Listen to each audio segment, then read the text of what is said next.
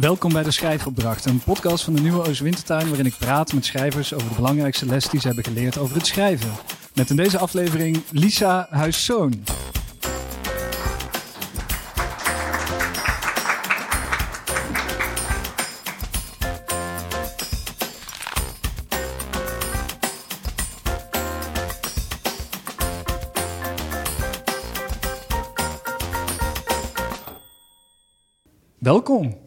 Dankjewel.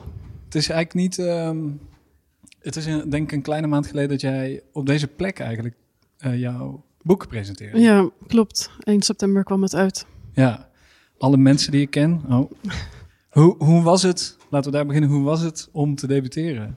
Eh, ik vond het echt super eng, vooral tijdens het proces. En ik dacht wel van, als het dan eenmaal in de wereld is, dan kan ik het een beetje loslaten. Dus ik had er wel heel veel zin in. Eh, dat het ook van andere mensen zou zijn en niet meer alleen van mij. Het is ook niet helemaal onopgemerkt gebleven, jouw debuut. Ja, klopt. Heb je, hoe, hoe was de afgelopen maand voor jou? Ehm, nou, ik vond het heel spannend, want ik heb mezelf heel vaak gegoogeld. En eh, af en toe zag ik dan dus dat er iets was wat dan zo nog blauw was in plaats van paars. Weet je, als het paars is, dan heb je het al een keer aangeklikt. Ehm, en dan was ik elke keer heel zenuwachtig, maar de zenuwachtigheid wordt nu wat minder. Ehm, maar ja, ja, ik stond in eh, NRC bijvoorbeeld, wat wel heel leuk was. Ja. Ja, we gaan het denk ik straks nog uitgebreid eh, over je debuut hebben en ook over de eh, verschillende reacties daarop. We gaan het ook hebben over schrijven en de leerbaarheid ervan, want daar Ja. gaat deze podcast over. Maar dan voor die paar mensen die echt nog niks van jouw eh debuut hebben gehoord, zou ik wel vragen, je een stukje willen voorlezen? Ja. Bart. Bart en Jette werden een onderdeel van ons gezin. Ze kwamen om het weekend naar Houten en werden op zondagavond teruggebracht. In de auto waarin we allemaal pasten. Voor zeven personen. Ben achter het stuur, Dorine op de bijrijdersstoel, Bart, Jette, Mark, Milou en ik achterin op basis van beenlengte, de hond in de kofferbak. We noemden Bart een ramptoerist, omdat hij een apparaatje op zak droeg dat trilde of piepte als er ergens in de omgeving een melding van brand gemaakt was. In veel gevallen trok hij direct zijn schoenen aan en ging op pad om de brand van een afstand te bekijken. Misschien hield hij van de rook, de geur of juist het aangezicht ervan, hoe het boven de bebouwing uitreikte. Of vond hij de brandweerwagens die door de straten reden filmisch en klonk de sirene hem heldhaftig of daadkrachtig in de oren. Misschien voelde hij zich verbonden met anderen die de brand aanschouwden, zoals sommige mensen naar de radio luisteren om het gevoel te hebben dat ze niet alleen zijn. Mensen die met hun hond waren langsgewandeld of kinderen die in kleine groepjes naar huis fietsten met een hockeystick op hun rug en hier tot stilstand kwamen. Of misschien betrapte hij de omstanders juist graag op hun sensatiezucht, als er telefoons tevoorschijn werden gehaald om foto's te maken. Misschien ging het hem om het contrast tussen paniekerig gebeuren, familieleden, slachtoffers en het vakmanschap van de brandweerlieden, die met behendigheid, geduld en precisie te werk gingen. Misschien dacht hij aan de architect die maandenlang aan de bouwtekeningen had zitten werken, aan de projectontwikkelaar, aan de bouwvakker die een hamer op het hoofd van een collega had laten vallen, die gelukkig een helm droeg. Aan de bewoner die een handtekening zette en de sleutels in ontvangst nam. Aan alle meubels die naar binnen getild waren. Aan de verhuisdozen, aan het noppenfolie, aan de krant waarmee het servies was ingepakt. Aan alle meubels die niet door de deur pasten en via het raam naar binnen gehesen moesten worden aan de zitting van een stoel, aan de meubels die versleten raakten, aan de potloodstreepjes in de deuropening die de groei van de kinderen lieten zien, aan alle keren dat het huis werd gestofzuigd, vloerkleden werden uitgeklopt, ramen werden gelapt, de planten water kregen en de gieter op de plek van de gieter werd teruggezet. Misschien stelde het hem gerust dat het leven van toevalligheden aan elkaar hangt. Misschien kon hij zijn vinger er niet op leggen, maar kreeg hij bij het zien van dat vuur een vaag gevoel in zijn onderbuik. En was het alsof hij dit al eens eerder had meegemaakt. Alsof hij een herinnering van een grootouder, een overgrootouder of een broer of een zus van een van hen geërfd had. Als een genetische afdruk. Misschien werd hij rustig van het oplaaiende vuur. Mooi. Je las nu een stukje voor dat eh, mensen die het boek helemaal niet kennen, realiseer ik me net, die horen dan dat jij zegt Bart. Ja, Eh, hoe omschrijf jij dit boek aan mensen? eh, als een poëtisch archief of een alfabetische lijst waarin ik alle mensen opsom die ik ken. Ehm, ja. Ja, dit zijn alle mensen die je kent. Ja. Ehm, is het dan, als je zo'n stuk kiest om voor te dragen, kies je dan een favoriet? Uh, nou, dit is wel een van mijn favoriete teksten. En ik heb hem ook uh, toegevoegd omdat ik dacht dat deze tekst laat wel zien dat uh, ik zeg iets over iemand, maar dan tegelijkertijd weet ik ook niet per se waarom iemand dat doet. En ik wilde juist die openheid creëren door deze tekst in het boek te doen. Ja. ja. En, en denk je nog aan de echte Bart dan? Uh, ja, soms. ja. ja, maar ik denk dat ik misschien allemaal redenen heb bedacht waarom ik naar vuur zou kijken als ik zelf zo'n apparaatje had. Meer dan dat het nog echt gaat over waarom hij dat precies deed. Ja. Ja, in die zin zou je het boek misschien ook wel een zelfportret kunnen doen. Oh ja, ja, dat staat ook op de achterkant. ja.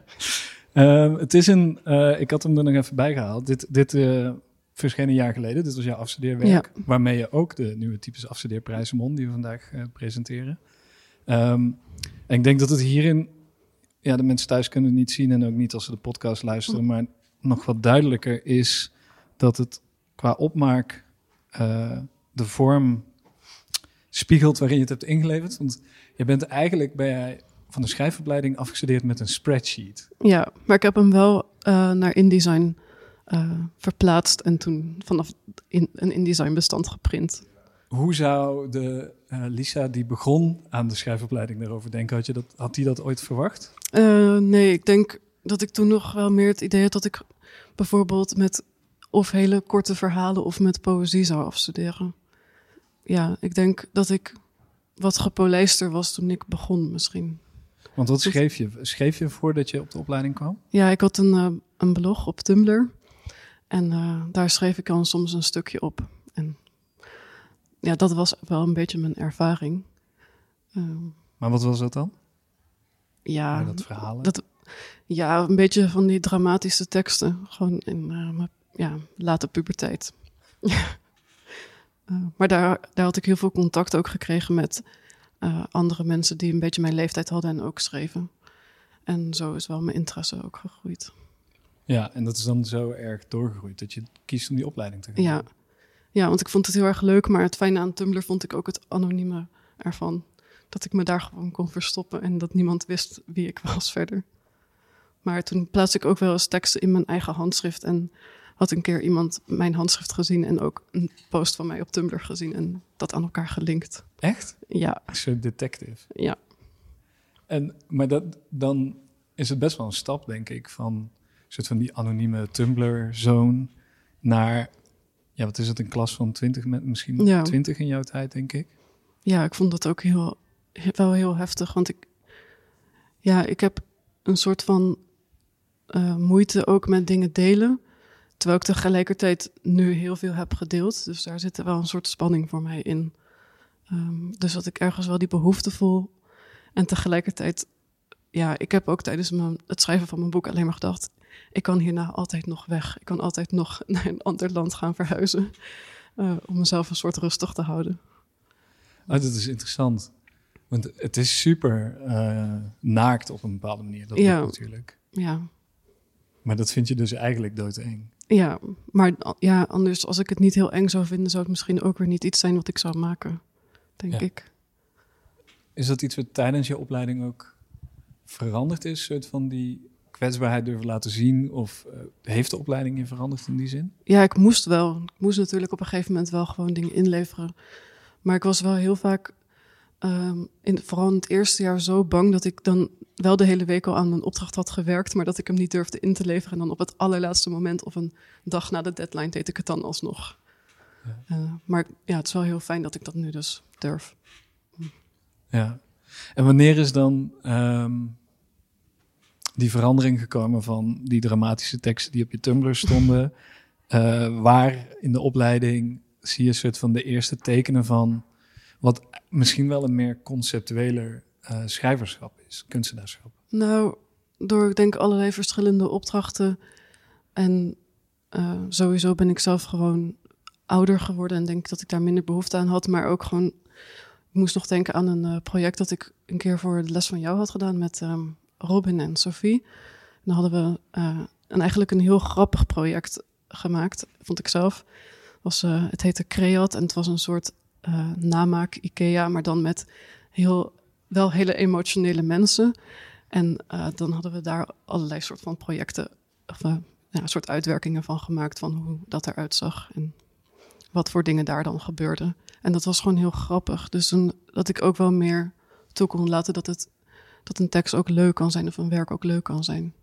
En dat heb ik ook eigenlijk heel erg met mijn huidige versie van alle mensen die ik ken gedaan. Dat ik, ik wilde gewoon uh, energie ook terugkrijgen of zoals ik het aan het maken was. Mm. Dus ik denk dat, ja, ik, eerst was voor mij schrijven meer, denk ik, ja, een soort emotionele uitlaatklep. Maar dat is ook iets geworden waar ik gewoon heel blij van word. Ja. Ja. En dat was aan het, aan het einde van het eerste jaar, denk ik, die opdracht. Als ik ja. me niet vergis. Ja. Um, zijn, er, zijn er door de opleiding heen soort van opdrachten geweest die dat... Want nu heb je het over plezier en dat, Mhm. en dat herken je nog terug. Zijn er nog vakken of opdrachten of docenten of misschien wel werk van medestudenten kan Mhm. ook. Er zijn gewoon momenten geweest waarop uh, dat beeld van schrijverschap nog kantelde.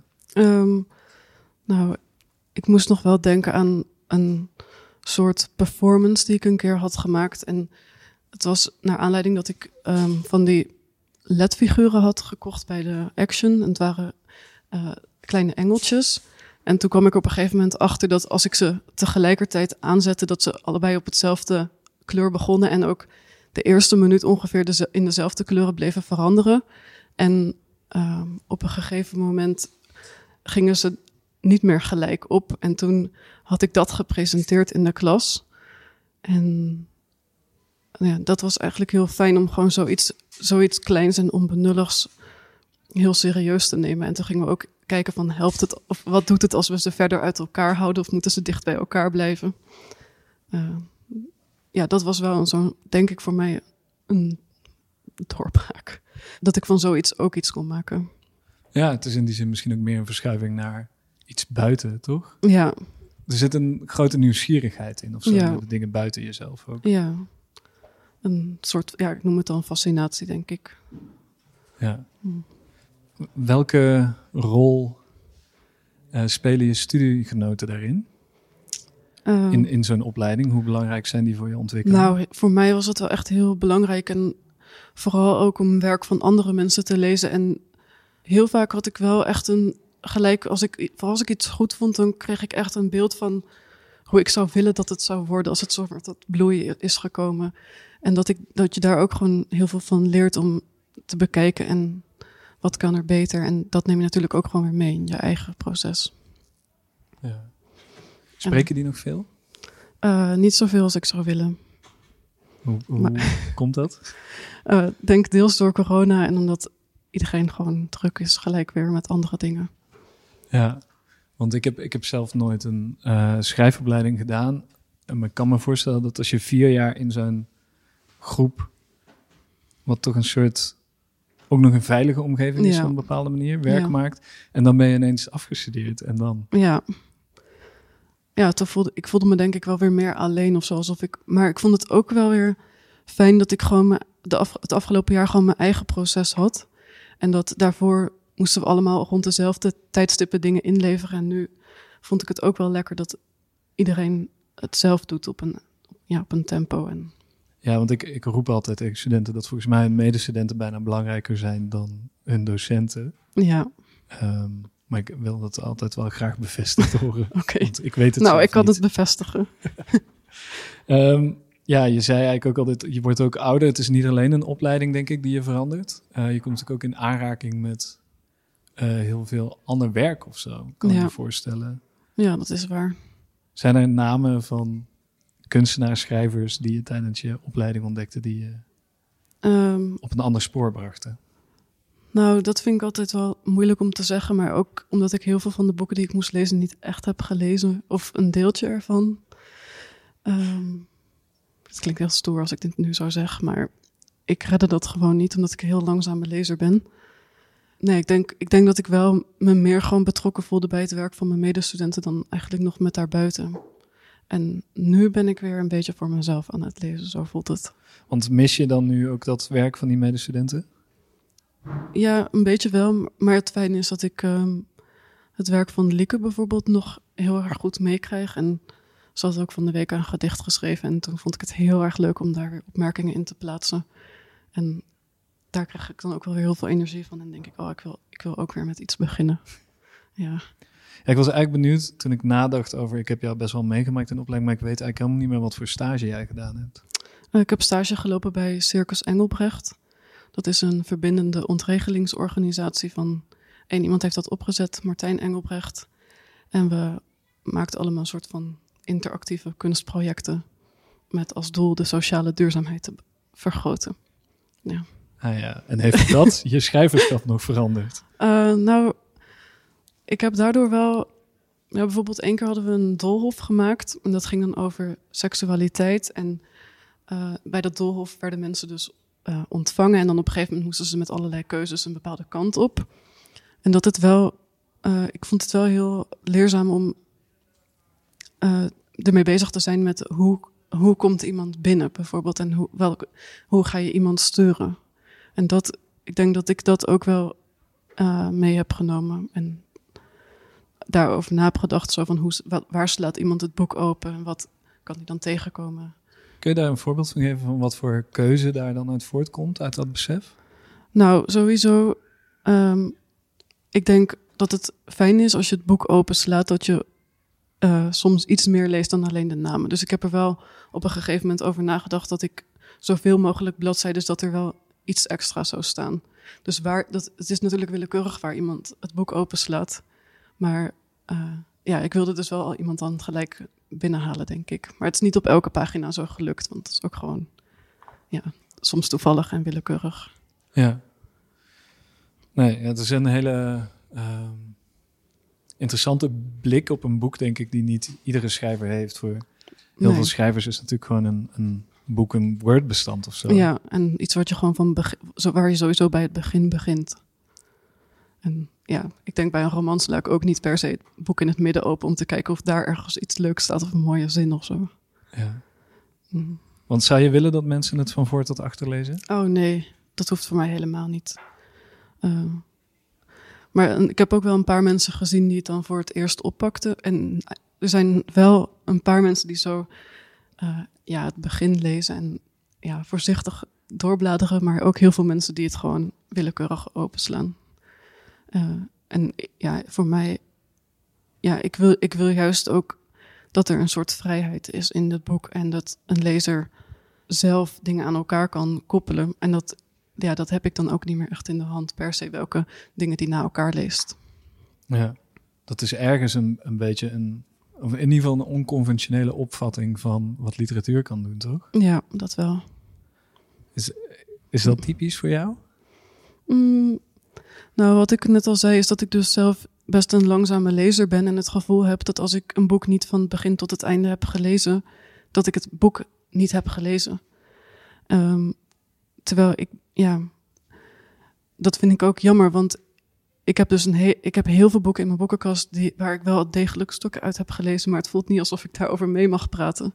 En nu ben ik ook wat zelf in mijn hoe ik lees wat vrijer geworden, dat ik ook denk, als ik gewoon af en toe een stuk lees, is het, is het ook goed. En ik denk dus dat dit boek ook een beetje is voor mensen die lezen zoals ik. Dus je hebt eigenlijk een boek over jezelf voor jezelf geschreven. ja. ja. Het is een soort herwerking, nieuwe versie van ja. Uh, je afstudeerwerk. Kun je, dat is ook nog niet zo heel lang geleden. Dat is nee. denk ik iets meer dan een jaar geleden dat jij afgestudeerd bent. Klopt. En nu al ligt er een, een boek.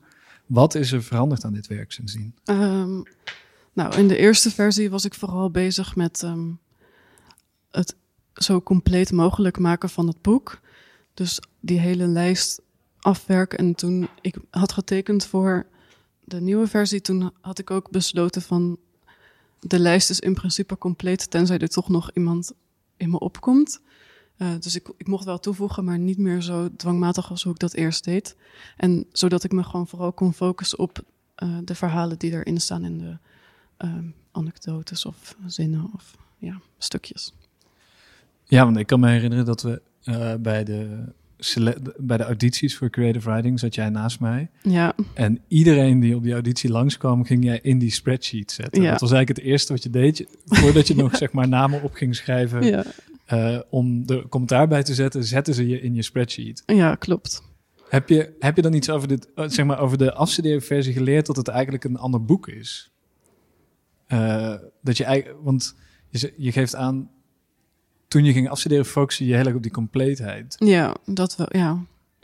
Maar de, ja, die compleetheid is, denk ik, eh, was toen voor mij heel erg belangrijk, maar ik hield me daar ook gewoon heel erg aan vast. En eh, ik denk, ja, voor een lezer maakt het in die zin niet echt uit of het, of het voor mij compleet voelt. En is het vooral fijn om ook echt te lezen over die mensen die erin staan. Dus zo heb ik wel er iets, ja, voor mij was het dus eerst echt een idee om die lijst zo compleet te maken. En daarna een idee om er een boek van te maken dat interessant genoeg is om te lezen. Eh, wat ik vind dat het afstudeerwerk niet echt is. Nee, zei je dan, het zijn twee compleet verschillende boeken eigenlijk. Ja, maar ze lijken wel op elkaar.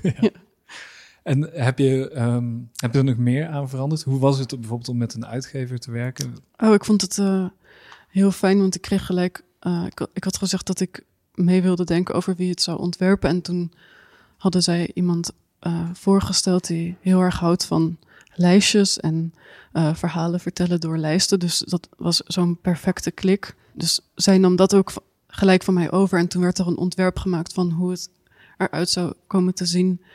En daardoor snapte ik ook gelijk weer wat er eh, wat er wel niet mogelijk was of zo in het, in het boek. En eh, ja, natuurlijk een redacteur die gewoon veel voor mij uit handen nam. En eh, ja, de andere mensen die van alles voor mij regelden. Dat was heel fijn. Zou jij een klassieke roman kunnen schrijven? Zonder dat je je bemoeit met hoe het wordt uitgegeven? Gewoon Nou- een woordbestand inleveren? Ehm, ik denk dat ik het wel een keer ga proberen. Eh, gewoon om te kijken wat het oplevert. Eh, ja, ik dacht ook na dit boek van als ik nog, nog iets wil zou, zou maken, dan zou het best wel leuk zijn als ik juist een hele traditionele roman probeer te maken. Maar ik weet niet, ik denk dat het me wel zou gaan vervelen. Maar ik vind het gewoon heel, heel moeilijk om zo'n verhaal van begin tot einde af te maken. Omdat ik dan, ook als ik gewoon een verhaal zou schrijven van duizend woorden, dan dwaal ik gewoon af. En ja, in dit boek kan dat. Hoe komt het dan dat je je eh, bij het maken van een hele lange lijst niet verveelt? En bij een soort van, wat aan een soort van de klassieke, misschien is het de drie structuur, misschien is het gewoon het, het lange lappen tekst. Wat daaraan verveelt jou? Ehm, ik denk dat ik het dan, ja, het afmaken. Dat ik, ja, hierbij kon ik gewoon dingen ook, ja, losse stukken even laten liggen en weer door met iets nieuws. En met zo'n, ja, een langer, langere tekst die bij elkaar hoort, zit heel veel afmaken. En bij de, bij de lijst was het gewoon heel fijn dat ik de lijst had, maar en dat ik die soms weer ook voor de, voor de, van de afstudeerwerkversie naar deze versie, dat ik het ook weer helemaal moest aanpassen in hoe, eh, hoe ik het moest aanleveren. Dus dat vond ik dan gewoon fijn om te doen. En dan was ik daarmee bezig en dan kreeg ik weer een idee. Dus dan, ik denk, als ik een verhaal van, ja, van een roman zou schrijven, een traditionele roman zou schrijven, dat ik gewoon te weinig andere dingen kan doen dan schrijven. Dat het een beetje zo voelt. Ja. Mm. Ja, ik vind schrijven denk ik maar gewoon tot op zekere hoogte echt heel leuk. Maar ja, weet niet. Ja, ik denk, denk dat het misschien wel voor alle schrijvers geldt. Want Ja. eh, is het je ook te doen om vormvernieuwing? Vind je het ook interessant om Mm. ons idee van lied... Nou, laat ik het zo zeggen. De, de vraag... Ik, eh, je boek is superveel besproken, ja. waaronder bij RTL Nieuws, Ja, waar ze zich afvroegen, is het literatuur? ja, maar ze hadden het niet gelezen. Dus ja, dat kan je dan afvragen. Maar ja, ik vind dat ook flauw. Maar is het literatuur? Ik denk het wel. Ik heb het, ja, ik heb het gevoel dat het, het wordt wel binnen het literaire veld gezien. In ieder geval. Maar ja, ik denk dat het me niet zo heel veel uitmaakt of het dan wel of niet literatuur is. Nee. Ja, ik, ik zie mezelf ook niet per se als vormvernieuwer, hoewel ik wel weet dat het nu gebeurt, denk ik, met dit. Eh, maar ja, dit, is, dit ligt gewoon dichtbij wat, wat, ik, wat ik kan doen. En Ja. iets anders kan ik ook niet. Maar tegelijkertijd, ja, het is ook niet echt heel... Voor, ja, voor mij misschien niet interessant om het te doen zoals heel veel mensen het al hebben gedaan. Ja. Ja, dus misschien een soort vormvernieuwer tegen wil en dank. Ja. We hebben het er ook wel eens over gehad. Dat ik zei, maar je zou ook... Het is nu non-fictie, Mhm. literaire non-fictie. Maar je zou met alle gemak kunnen zeggen dat het een, dat het een roman is. ja, Maar ik vond het ook heel fijn toen je dat zei. ja, maar is, is, daar, is daar dan nog verschil tussen je? Denk je mensen die dit benaderen als non-fictie of mensen die dit benaderen als een roman? Nou, ik was toevallig in één non-fictie lijstje gekomen, zo'n top 3. En in een fictie top 5, twee, twee dagen na elkaar. Dat vond ik toen heel fijn, dat het zo ook een beetje, het kan allebei. En eh, ja, ik denk, het was gewoon dat ik natuurlijk die mensen echt ken, dus dat ik me niet echt vrij voelde om... Heb natuurlijk wel gekozen wat ik liet zien, maar om echt bijvoorbeeld iets heel erg aan te dikken. eh, dat, ja, wat ik in fictie denk ik wel had gedaan. Ehm, maar er zitten wel echt een paar fictie-elementen in. Ja. ja, ik vraag me dan ook af of die categorieën soort van nog houdbaar zijn. Omdat je ziet ook eh, in bijvoorbeeld in televisieseries dat vroeger had je comedies en je had drama's. En Ja. als je naar jonge makers nu kijkt, zit, het- is dat helemaal dat Ja. onderscheid niet meer. Ja, het is gewoon dat zo'n boek moet gewoon op een manier ingedeeld worden. En voor de verk... Ja, voor mij had het niet gehoeven. Dat Nee. had niet benoemd hoeven worden. Zie je iets van, zeg maar, als, als ik nou eh, heel blanco eh, niks van de opleiding zou weten. Mhm. En ik zou je vragen, wat, wat zie je van jouw opleiding terug in dit werk? Zou je daar een antwoord op hebben? Nou ja, sowieso. Ik denk dat ik op de opleiding heel erg heb geleerd om in te zoomen op details. En dat dat zit er heel, heel erg in. En ja, dat heb ik bijvoorbeeld bij, bij dan proza vakken geleerd. Om eh, een verhaal te vertellen door, door juist de details heel groot te maken. Ja. En als je dit boek aan die Lisa zou lezen, die eh, op Tumblr dramatische verhalen over de gevoelens postte, Ja, wat zou die ervan vinden? ik denk wel vet. Ja? Ja, Ah, dat is mooi. ja. Wel ook eh, hoopgevend als ik het toen had gelezen. Ja. Nee, je hebt daar de hele tijd een lijstje voor je liggen. Zijn er dingen op die je nog wil noemen? Of is dat je schrijfopdracht? Eh, dit is niet mijn schrijfopdracht, maar dit was voor als, het, voor als ik echt heel erg zou vastlopen, had ik wat dingen opgeschreven waar ik het dan nog over kon hebben. Maar daar heb ik ook al wat dingen van eh, gebruikt. Het is ook weer een lijstje. Ja, dat wel. Maar wel in drie delen. dingen die je kan zeggen tijdens een interview. Ja, de eerste kopje is eh, de belangrijkste les die ik als schrijver heb geleerd. En er staat dan één woord en dat is inzoomen. Dat hebben we net gehad. Eh, het andere gaat dan over de opleiding en een beetje welke opdrachten ik heb gedaan en welke projecten. Eh, oh ja, en de vraag die ik altijd heel ve- kreeg in het begin was: ga je met proza of poëzie afstuderen? Alsof dat de opties zijn. En dan nog, ja, dan nog een kopje gewoon voor alle mensen die ik ken. En de schrijfopdracht weet ik uit mijn hoofd. Ah ja. Zullen we naar de schrijfopdracht toe? Ja, is goed.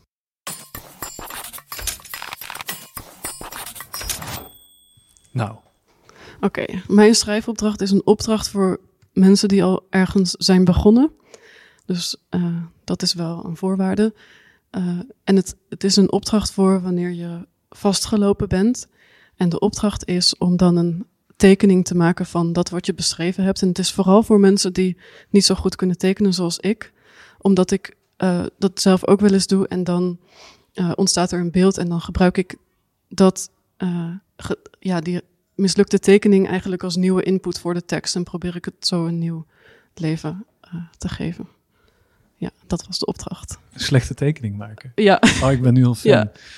Waar ik wel benieuwd naar ben, je zei net, eh, je las eh, deze week een gedicht van eh, Lieke. ja, En toen kreeg je weer echt heel erg zin om iets te maken. ja. Want, weet je al wat het volgende wordt? Nee, dat weet ik nog niet. En ik denk dat ik het dit keer ook een langere tijd voor mezelf ga houden, omdat nu zoveel mensen wisten dat ik hiermee bezig was, dat ik soms gewoon gek werd van de vraag: hoe gaat het met het boek? Terwijl het heel lief bedoeld is, maar dan voelde het alsof ik mezelf maar aan het herhalen was als ik een antwoord gaf. Ja. En het lijkt me wel lekker dat het nog iets langer weer van mij is. Ja, super mooi. Vooral doen. Mag ik jou heel erg bedanken voor dit gesprek? Ja. Ehm, Dankjewel, Lisa. Jij ook.